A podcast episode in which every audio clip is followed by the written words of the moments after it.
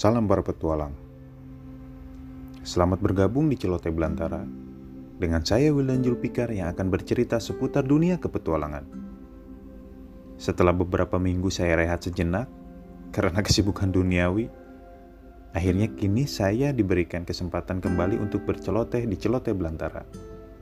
Tentunya seputar dunia kepetualangan. Jadi, selamat mendengarkan.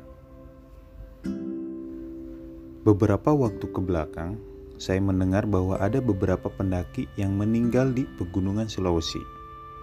Dan mirisnya, temannya meninggalkan pendaki yang meninggal itu.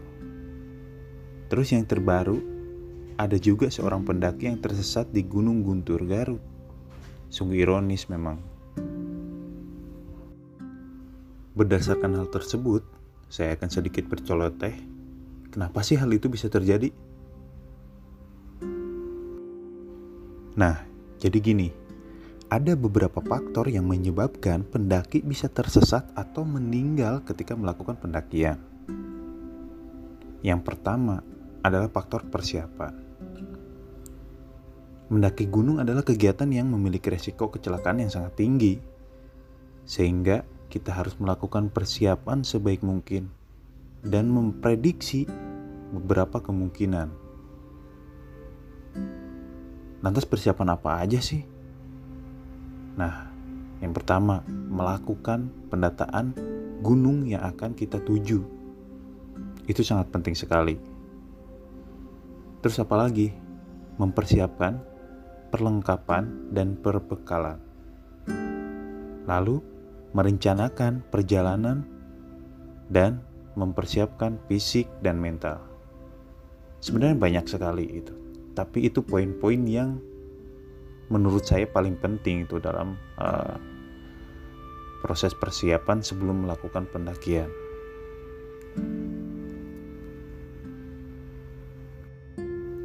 Sebagian orang kerap melupakan hal itu karena sudah merasa mampu atau malas, bahkan tidak tahu sama sekali.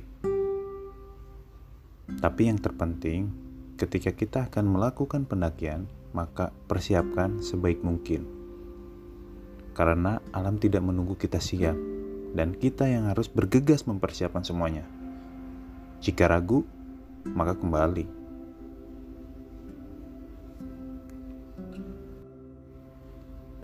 Lalu, penyebab selanjutnya adalah tidak mengetahui materi dasar berkegiatan di alam terbuka Hal ini kerap terjadi dengan mereka yang sekedar coba-coba atau ikutan-ikutan aja gitu.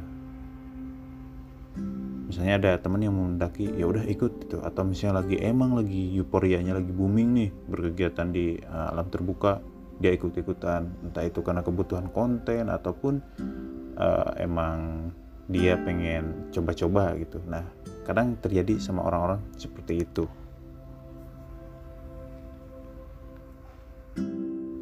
Lantas solusinya seperti apa nih ketika kita tidak mengetahui sama sekali hal-hal tentang dunia kepetualangan? Banyak yang bisa kita lakukan.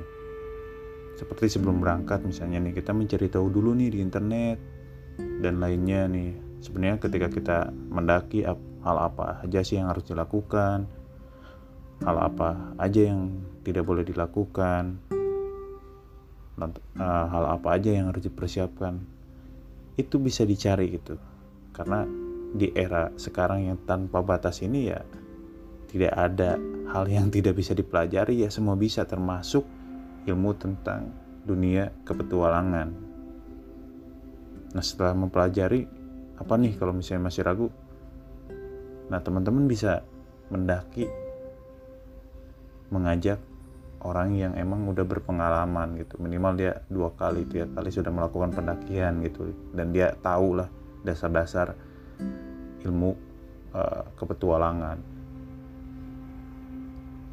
Jadi jangan sampai gitu teman-teman karena hal-hal yang sepele gitu terus memaksakan diri untuk melakukan pendakian tanpa mengetahui apa pun tentang pendakian tersebut gitu atau ilmu-ilmu di alam terbuka.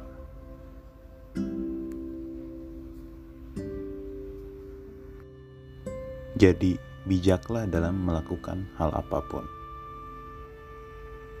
Lalu apa lagi nih faktor yang sering menyebabkan terjadinya pendaki meninggal atau tersesat?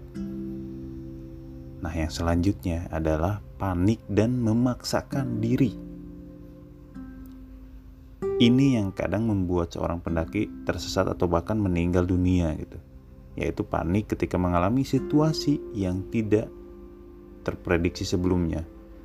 Sehingga kehilangan fokus, dan melakukan hal-hal yang di luar kesadaran. Selain panik, ada memaksakan diri.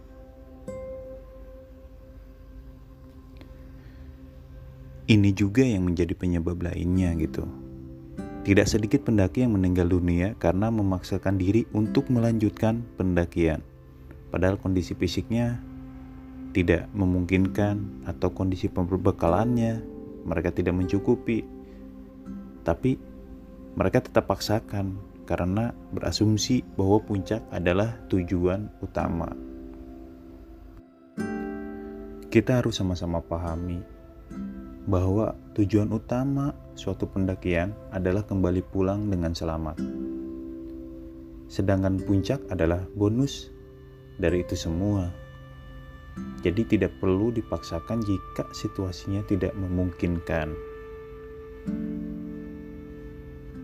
Nah, selain hal-hal tadi, masih banyak faktor penyebab lainnya sebenarnya. Hanya yang saya sebutkan tadi merupakan hal yang sering dilakukan pendaki saat ini. Hal itu sungguh sangat disayangkan sekali. Jadi, buat kalian, berpetualanglah dengan aman dan bijak karena tidak ada yang lebih penting dari keselamatan diri sendiri. Jaga diri, jaga tim, dan jaga semua yang ada. Sejatinya, petualang adalah yang memahami arti dari pergi untuk kembali.